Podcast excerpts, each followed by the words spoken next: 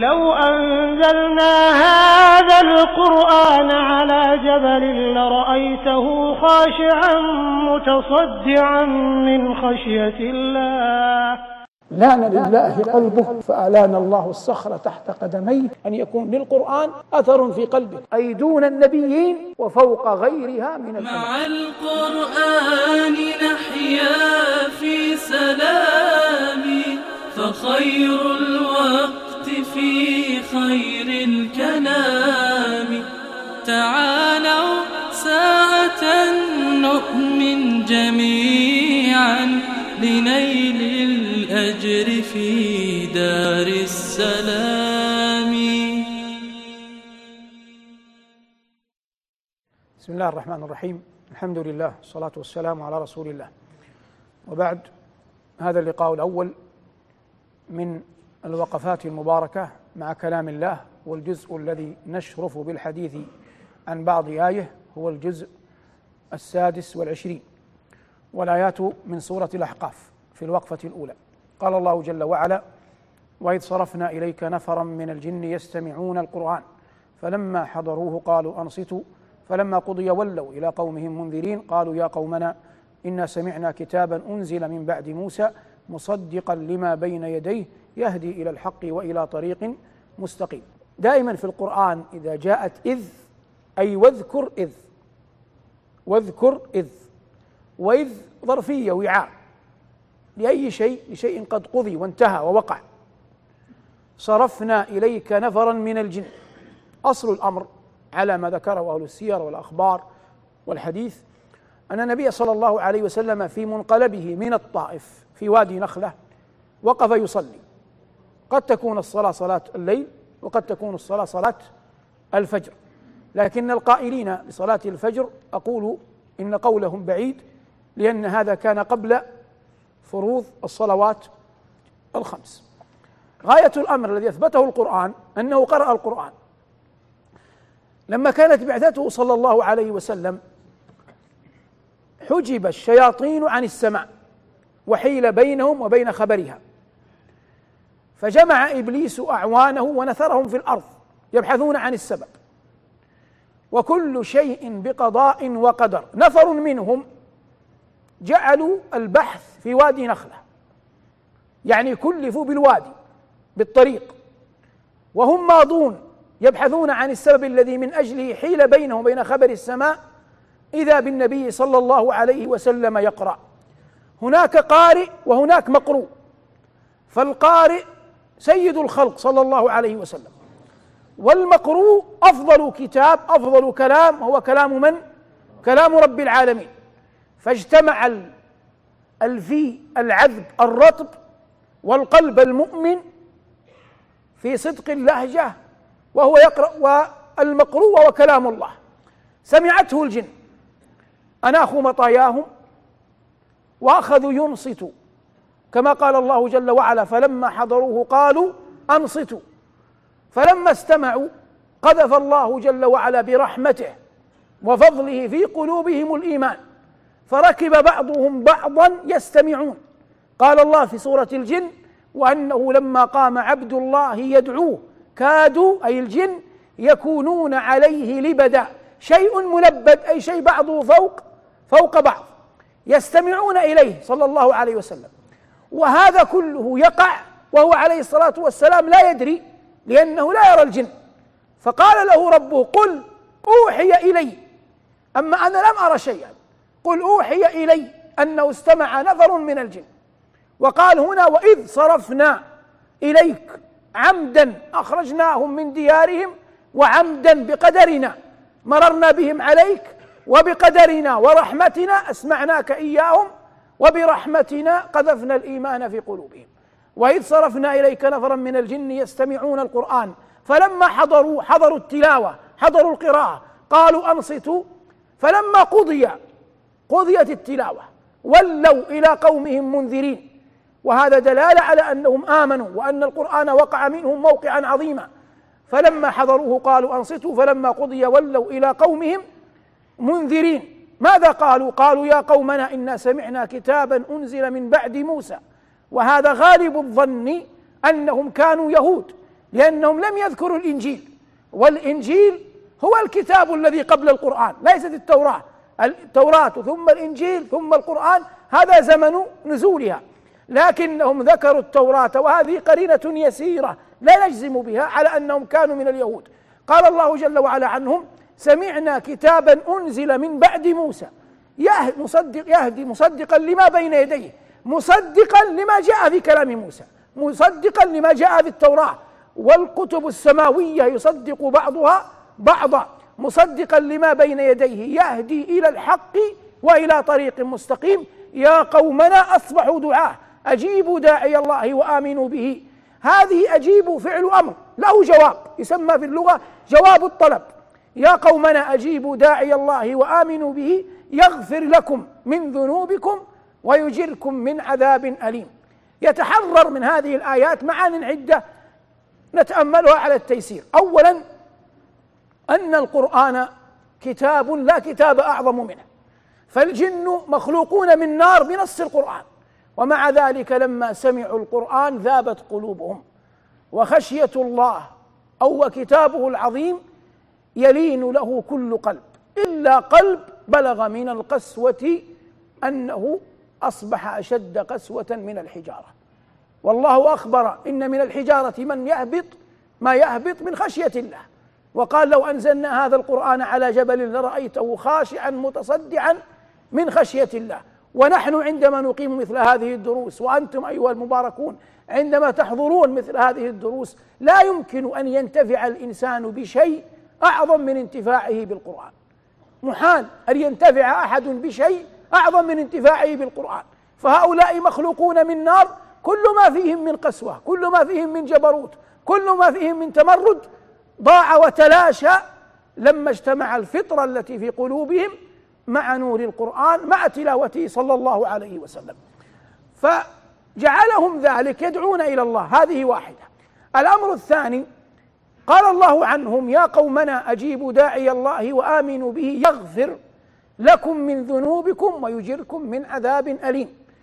لم يذكر الله هنا أن الجنة ثواب لهم.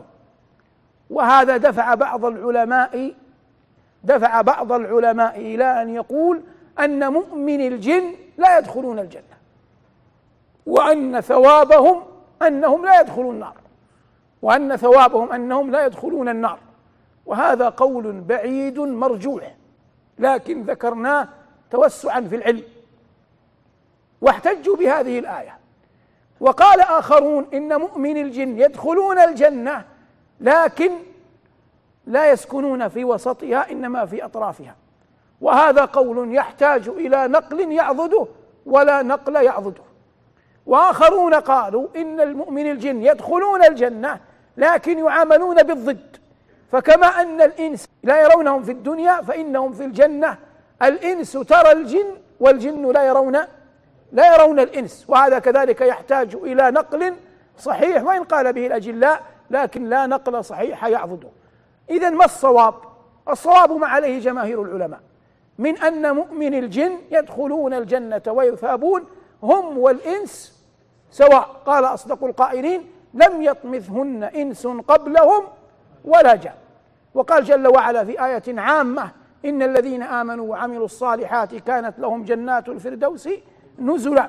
وأكثر العلماء من بسط القول في هذه المسألة وقال بقول الجمهور الإمام ابن كثير رحمه الله في تفسيره. هذه واحدة.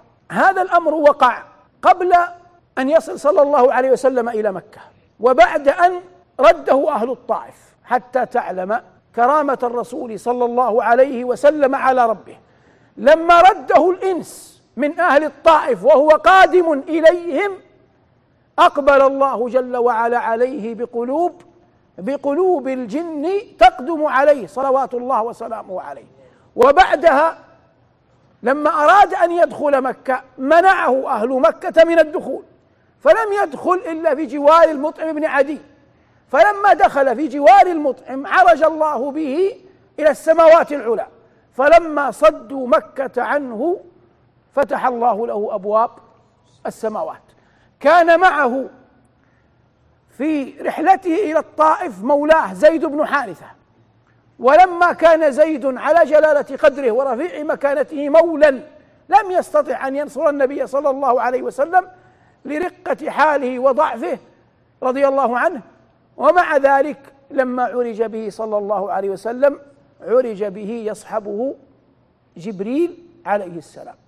فانظر كيف عوض الله جل وعلا نبيه والطائف مرتفع. صعد إليها فرده أهلها عن مكة فعرج الله به إلى سدرة إلى سدرة المنتهى.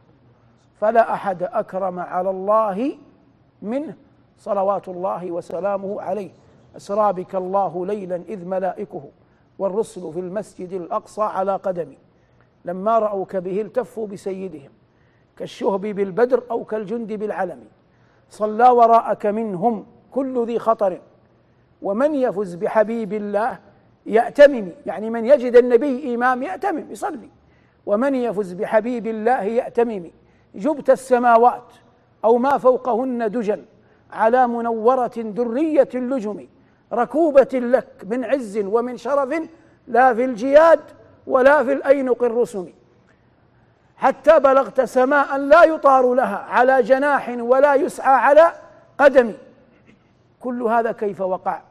مشيئة الخالق الباري وقدرته وقدرة الله فوق الشك والتهم صلوات الله وسلامه عليه. تعالوا مع القرآن. مع القرآن. هذه الوقفة الثانية من الجزء السادس والعشرين وسبق أن وقفنا الوقفة الأولى مع سورة الأحقاف والآن نقف مع سورة محمد. والآيات التي نختارها قول الله جل وعلا أفمن كان على بينة من ربه كمن زين له سوء عمله واتبعوا أهواءهم. مثل الجنة التي وعد المتقون إلى آخر الآية. فقال في الأولى أفمن كان على بينة من ربه؟ رزقه الله جل وعلا نور الفطرة ونور العلم ونور الهدى ثم ثبته. لأن الإنسان حتى في عالم العلم يحتاج إلى ما يثبته. كما يحتاج إلى ما يثبته في الإيمانيات. يحتاج إلى ما يثبته في العلم. فقد يوجد أقوام وهذا وجد عبر التاريخ من ثبته الله أو ترى منه الثبات في أمور العبادات. فهو يحضر الجمع والجماعات ويتلو القرآن ويقوم الليل لكن الإشكال في علمه الإشكال في فكره. فهو يبقى ضالا في فكره ولو كان قائما بالطاعة في بالعبادة. وحاجة المؤمن الحقه ملحة إلى أن يثبت إيمانا ويثبت علما. وقد كان الخوارج يصلون خلف علي رضي الله تعالى عنه وأرضاه. فإذا قرأ القرآن يدخلون عليه بآيات يعارضونه فيها ويردون عليه يزعمون أنهم أكثر منه هدى. فكان إذا أكثروا عليه تلا قول الله جل وعلا في آخر الروم ولا يستخفنك الذين لا لا يوقنون لأنه يأتي بآيات القرآن فيضرب بعضها ببعض ويتجنب أن يحتج بالسنة. ولهذا قال صلى الله عليه وسلم يقرؤون القرآن لا يجاوز حناجرهم لأن القرآن مبين للسنة فيأتي لآيات أنزلها الله في كفرة فجرة وجوههم عليها غبرة فينزلها بهواه على أحد المؤمنين حتى يتم له الأمر في ضلاله. فالمؤمن أي أحد كائنا من كان في كل زمان ومكان في حاجة إلى بينة من الأمر جمعا في إيمانه وطاعته وعبادته وسلوكه وفي علمه الذي يحتكم إليه والمسير والطريق الذي يصل يصل إليه. هذا فريق هو فريق الهداية أهل اليقين والعلم. الفريق الآخر هم من اجتلتهم الشياطين. ولهذا قارن الله جل وعلا بين بين الفريقين. هذه المقارنة الأولى. المقارنة الثانية ما بين أهل الجنة وما هم فيه من لذة النعيم وبين أهل النار وما هم فيه من العذاب والحميم. فأصبح هناك اقترانان أو مقارنتان ذكرهما الله جل وعلا. نأتي للتفصيل. أما الأولى بيناها في الثانية قال جل ذكره مثل الجنة. كلمة مثل في القرآن تأتي على ضربين. تأتي على معنى صفة. يعني بمعنى كلمة صفة. وتعني المثل المعروف بمعنى شيء يشبه يشبه شيئا. واضح؟ يعني قول الله جل وعلا مثلا ومثل كلمة طيبة كشجرة طيبة. فهذا تشبيه. الكلمة الطيبة بالشجرة بالشجرة الطيبة. يوجد مشبه ومشبه به وأداة تشبيه ووجه ووجه شبه. لكن في قوله تعالى هذا الذي بين أيدينا مثل الجنة التي وعد المتقون فيها أنهار من ماء غير آس وما بعدها من النعيم كما سيأتي. هذا كله ليس فيه وجه شبه ومشبه به وإنما هذا مثل بمعنى بمعنى صفة. يصبح معنى الآية صفة الجنة التي وعد المتقون. ظاهر هذا. مثل الجنة التي وعد المتقون وعدهم ربهم من أجل تقواهم لأن التقوى لا يقبل الله غيرها ولا يرحم إلا أهلها. قال جل ذكره مثل الجنة التي وعد المتقون فيها أنهار ماء غير إن غير آسن وأنهار من لبن لم يتغير طعمه وأنهار من خمر لذة للشاربين وأنهار من عسل مصفى. فذكر جل وعلا أصول المشروبات الأربعة. أصول المشروبات الأربعة. وبدأ بالماء لأنه لا يغني عنه من المشروبات شيء. بدأ بالماء لأنه لا يغني عنه من المشروبات شيء وهو أصلها. وهذا الماء تقول عنه العرب أنه أعز مفقود وأذل وأذل موجود. وإنما يبتلى الكريم الحق في من ليس لديه إلا قلة من من المال. ويضربون العرب في هذا أمثالا أن رجلا كان معه ماء قليلا وهم في أرض مفازة ندر فيها الماء فاستسقاه أحد الناس فأعطاه. فمات الذي أعطى قبل أن يصل إلى مورد إلى مورد الماء. فقال من يمدحه؟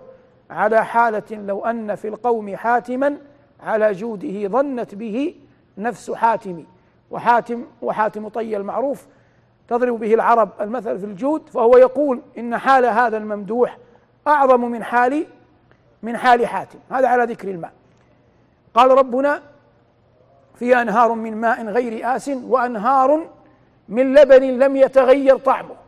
ثنى باللبن لأنه يغني عن المطعوم والمشروب وهو بعد الماء. وقد مر معنا أنه يدل على الفطرة يدل على الفطرة. وأنهار من لبن لم يتغير طعمه. وأنهار من خمر ثلث الله بالخمر. لأنه جرت عادة العرب أنهم إذا شبعوا شربوا الخمر. فلما ذكر الله الماء واللبن ثلث فخاطبهم بما جرت عادتهم به على أنه جل وعلا في آيات محكمات وعلى لسان نبيه صلى الله عليه وسلم حرم الخمر قليلها وكثيرها وسميت أم الخبائث ولعن النبي صلى الله عليه وسلم في حقها عشرة كما في حديث ابن عمر وليس شيء في الدين يلعن فيه عشرة إلا إلا الخمر. لكن اللعن فيها بعشرة أشخاص لا يعني أنها أعظم الذنوب وإن كانت من عظائم الذنوب. لكن هذا ليس مرجحا على أن تفقه منه أنه أعظم الذنوب. ويقولون إن رجلا من الناس في المدينة رأى رجلا يشرب الخمر فيهذي يعني بعد أن شرب أصبح يتكلم بما لا يليق. فهذا الذي رآه أصابه الحنق فقال امرأتي طالق إن دخل جوف ابن آدم إن دخل جوف ابن آدم شيء أشد من الخمر. يعني لا يدخل الجوف شيء أعظم من الخمر. وعلق هذا بطلاق امرأته. فذهب إلى مالك. ومن مالك؟ مالك بن أنس إمام أهل المدينة في عصره والذي يقال عنه لا يفتى ومالك في المدينة. وكان رحمه الله ذا هيبة في مجلسه. وقيل فيه يأتي الجواب فلا يراجع هيبة. والسائلون نواكس الأذقان أدب الوقار وعز سلطان التقى فهو المهاب وليس ذا سلطان رحمه الله. وله المذهب المعروف المشهور وهو ثاني المذاهب ظهورا وله الموطأ وهو أقدم كتاب ألفه أحد من الأهل العلم بين أيدينا. لا يوجد كتاب موجود بين أيدينا ألفه الناس أقدم من من موطأ مالك. المقصود ذهب هذا الرجل إلى مالك فقال له القصة رأيت رجلا يشرب الخمر فعلقت الطلاق وقلت كذا وكذا. فقال مالك ائتني غدا. فجاءه الرجل فقال مالك ائتني غدا. فجاءه في اليوم الثاني قال ائتني غدا. فلما جاءه في اليوم الثالث قال يا هذا لا أرى امرأتك إلا طالقا منك. إني تأملت القرآن فما وجدت شيئا دخل جوف ابن آدم أعظم من الربا لأن الله جل وعلا سماه حربا. موضوع الشاهد منه يعني التنبيه على أن الخمر من عظائم الذنوب لكنها ليست أرفع ولا أشد من أكل الربا عياذا بالله. نعود للآية. قال الله جل وعلا وأنهار من خمر لذة للشاربين. وبينا أن سنن العرب في شربها أنهم يشربون الخمر بعد أن يشبعوا. ثم قال الله جل وعلا وأنهار من عسل مصفى. ذكر العسل في الخواتيم في الأخير لأن الأصل أن العسل دواء فيه شفاء للناس. فكانوا يشربون العسل بعد أن يطعموا كنوع من من الدواء ووسائل الشفاء. فخاطبهم الله جل وعلا بما هو واقع حياتهم. وإلا ليس في في الجنة داء. ليس في الجنه مرض ولا سقم. لكن خاطبهم الله جل وعلا رتب هذه المشروبات الأربعة وفق ما تعيشه حياتهم.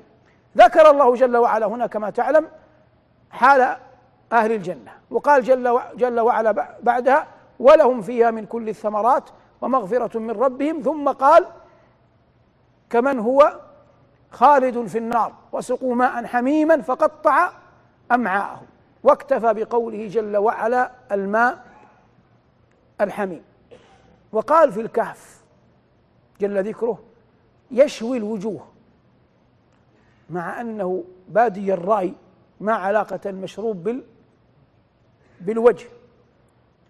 وأول أول أول الآيات أن الرب تبارك وتعالى قال عنهم يشوي الوجوه. يشوي الوجوه بمعنى أنهم إذا استسقوا وطلبوا ماء يعطوا في النار. لكن هذا الماء عياذا بالله لأنه حميم ما أن يقربه من شفتيه ليشربه إلا حرارته ناره تذهب فروة وجهه قبل أن يشربه. ومع ذلك لا يجد في نفسه بد من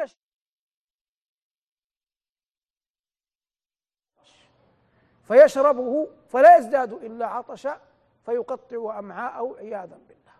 وحال كهذه حري بكل عاقل أن يفر منها ولن يفر منها بشيء أعظم من من تقوى الله تبارك وتعالى. بل لا مفر منها إلا إلا بتقوى الله. هاتان الآيتان من سورة محمد ظاهرتا المعنى كما كما بينا.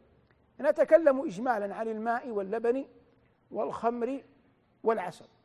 فنبدأ بالعسل والعسل من النحل. وسنقرن في طلب العلم الآن ما بين النحل وطالب العلم. النحل يأتي بالعسل لما يطوف على الأزهار. الله قال كلي من كل الثمرات. فيطوف على الأزهار ثم يخرج للناس عسلا. فلو قيل للنحلة إن هذا العسل ليس منك من الزهر. كيف تغلبك؟ تقول اذهب للزهر وخذ منه عسلا إن كنت صادقا. وإن, قل وإن قالت النحل إنما العسل مني قلنا لها حجبنا عنك الأزهار فأتنا بعسل إن كنت صادقة فلا تأتي بعسل. ما علاقة هذا بالعلم؟ من هو طالب العلم الحق الذي يسمع من أكابر العلماء ويقرأ في ثقات الكتب. وآتاه الله جل وعلا نورا في قلبه وفهما في عقله. فيجمع هذا كله ويخلطه ثم يقدمه للناس. فإن نسبته إليه ظلمت مشايخه ومن أخذ عنهم. وإن نسبته إلى مشايخه ومن أخذ عنهم ظلمته هو. قال لك هذه الكتب وهؤلاء المشايخ ائتني بعلم كهذا. وإن قاله هذا علمي ولم أخذه من أحد حجبنا عنه الكتب حجبنا عنه المشايخ لن يستطيع أن يقول شيئا. فشخصيتك في أي شيء في العلم وفي غيره تمزجها مع ما مع ما تتلقى. بعد ذلك بعد أن تضفي عليها شخصيتك وطريقتك مع ما قرأت مع إجلال من سبقك ومعرفة قدرهم بعد ذلك يقدر إذا أراد الله أن تكون إماما في الأمر الذي تريده. بغير هذا التصور محال أن يصل الإنسان إلى مقصوده. أما الخمر فلا يمكن أن نتكلم عنها. حرمها الله جل وعلا وهي أم الخبائث عياذا عياذا بالله. وأما اللبن فقد مر معنا أن النبي صلى الله عليه وسلم قدم له اللبن والخمر فاختار اللبن فقيل له هديت إلى الفطرة هديت وهديت أمتك والماء. سماه الله جل وعلا ماء مبارك وهو حديث عهد بربه وكان إذا نزل حسر صلى الله عليه وسلم عن رأسه أو عن ذراعه حتى يناله منه شيئا والعلم عند الله. ساعة نؤمن جميعا مع القرآن. مع القرآن. هذه الوقفة الثالثة مع الجزء السادس والعشرين. قال الله جل وعلا في سورة الفتح لقد رضي الله عن المؤمنين إذ يبايعونك تحت الشجرة فعلم ما في قلوبهم فأنزل السكينة عليهم وأثابهم فتحا قريبا ومغانم كثيرة يأخذونها. هذا كان زمن الحديبية. وقد حرف يفيد التحقيق. والله يقول ولا معقب لحكمه. لقد رضي الله عن المؤمنين. أي مؤمنين؟ الذين بايعوا النبي صلى الله عليه وسلم تحت الشجرة. أي شجرة؟ شجرة كانت في الحديبية. سبب البيعة خرج صلى الله عليه وسلم في ألف وأربعمائة. لا يريد إلا العمرة في إحرامه. فصدته قريش فأناخ بالحديبية فأضحى بينه وبين قريش مفاوضات فبدأ له أن يبعث رجلا من أصحابه فأشير عليه بعثمان. لما عثمان؟ لأن عثمان رضي الله عنه من من عبد شمس من بني أمية وهؤلاء قل من دخل فيهم في الإسلام فأبو سفيان ومعاوية رضوان الله تعالى عليهما وغيرهما كانوا في مكة. ولم يكونوا قد أسلموا بعد. فعصبة عثمان في مكة كثيرة تمنعه وإن كان مسلما. فبعث النبي صلى الله عليه وسلم عثمان. ثم أشيع أن عثمان قتل. فدعا النبي صلى الله عليه وسلم أصحابه للبيعة على أن لا يفروا. وقد يقول قائل لما لم يدعوهم إلى البيعه في بدر أو في أحد أو في غيرهما؟ لأن تلك خرجوا لحرب. أو شبه حرب. أما هنا خرجوا للعمرة ما زالوا في في إحرامهم وهم يبايعون. فبايعوه تحت شجرة قيل إنها شجرة سدر وهم ألف وأربعمائة رجل لم يتخلف منهم إلا رجل يقال له الجد بن قيس. اختبى تحت ناقته وقيل إنه مات على النفاق. هؤلاء الأربع الألف والأربعمائة مقطوع بأن الله قد رضي عنهم.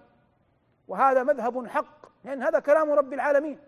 لقد رضي الله عن المؤمنين إذ يبايعونك تحت الشجرة فربنا الذي مطلع على كل شيء قال فعلم ما في قلوبهم من الصدق والدين والإيمان واليقين والنصح لك ونصرة كتابه وسنة نبيه صلوات الله وسلامه عليه. فأنزل السكينة عليهم هم الآن يحتاجون إلى من يطمئنهم والقرآن يبدأ بالأولويات. فأنزل الله السكينة عليهم. أصابتهم الطمأنينة وهم في أرض الحديبية. فأنزل السكينة عليهم وأثابهم فتحا قريبا. أي ووعد وعدهم الله جل وعلا فتحا قريبا سيكون. وهذا على الأرجح سيكون في في خيبر كما سيأتي. عثمان رضي الله عنه أين هو في الألف والأربعمائة؟ أين؟ في مكة. والآن بسط صلى الله عليه وسلم يده. والصحابة يبايعونه حتى أتموا أمرهم. من بقي؟ عثمان. فوضع صلى الله عليه وسلم يده وقال وهذه عن عثمان وبايع نفسه بنفسه. فأصبحت يد رسول الله لعثمان خيرا من يد عثمان لعثمان. فأصبحت يد رسول الله لعثمان خير من يد عثمان لعثمان. هناك أمر هام هو اللب في القضية كلها. لما آتى الله جل وعلا عثمان هذه المنزلة؟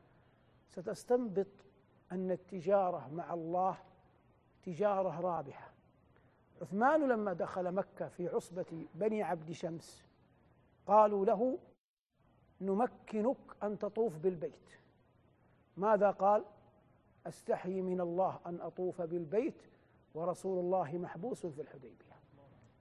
فرفض أن يطوف تأدبا مع رسول الله صلى الله عليه وسلم وهو لا يدري أنه أشيع أنه قتل ولا يدري أن الصحابة عقدوا البيعة مع رسول الله ولا يعلم عن ذلك شيئا البتة معزز مكرم عند عصبته في مكة. لكنه لما قال هذا هذا عمل صالح وتجارة مع الله. على الجانب الآخر يمد رسول الله صلى الله عليه وسلم يده ويقول وهذه عن عثمان قال العلماء فكانت يد رسول الله صلى الله عليه وسلم لعثمان خير خيرا من يد عثمان لعثمان. وذلك فضل الله يؤتيه من يشاء. لكن الذي أريدك أن تستله في حياتك اليومية أن تعلم أن التجارة مع الله جل وعلا تجارة رابحة. لا تتصور أنك يقابلك مسكين سائل عند بيتك وقد بيت أن تذهب إلى وجيه؟ فالسائل هذا بعثه الله ابتلاء. إن أقبلت عليه وأعطيته فتح الله لك قلوبا وابوابا موصدة. لكن إن صددته لا تنتظر من أن الله يسخر لك خلقه. لابد أن يعرف كيف تستجدى رحمة الله. العاقل من يعرف كيف يستجدي رحمة الله جل وعلا وهذا باب واسع يصعب شرحه لكن يبدأ بيقين اولي اليقين الأول هناك يكون هناك مطلوب ويكون هناك مرهوب. أول يقين الذي بعده تأتي الخطوات لا يمكن أن يتحقق المطلوب حتى تعلم يقينا أنه لن يأتي به إلا الله. ولا يمكن أن يدفع المرهوب حتى تعلم يقينا أنه لن يدفعه ويمنعك منه إلا الله. ثم بعد ذلك خذ بالأسباب التي تستجدي بها رحمة ربك تبارك وتعالى.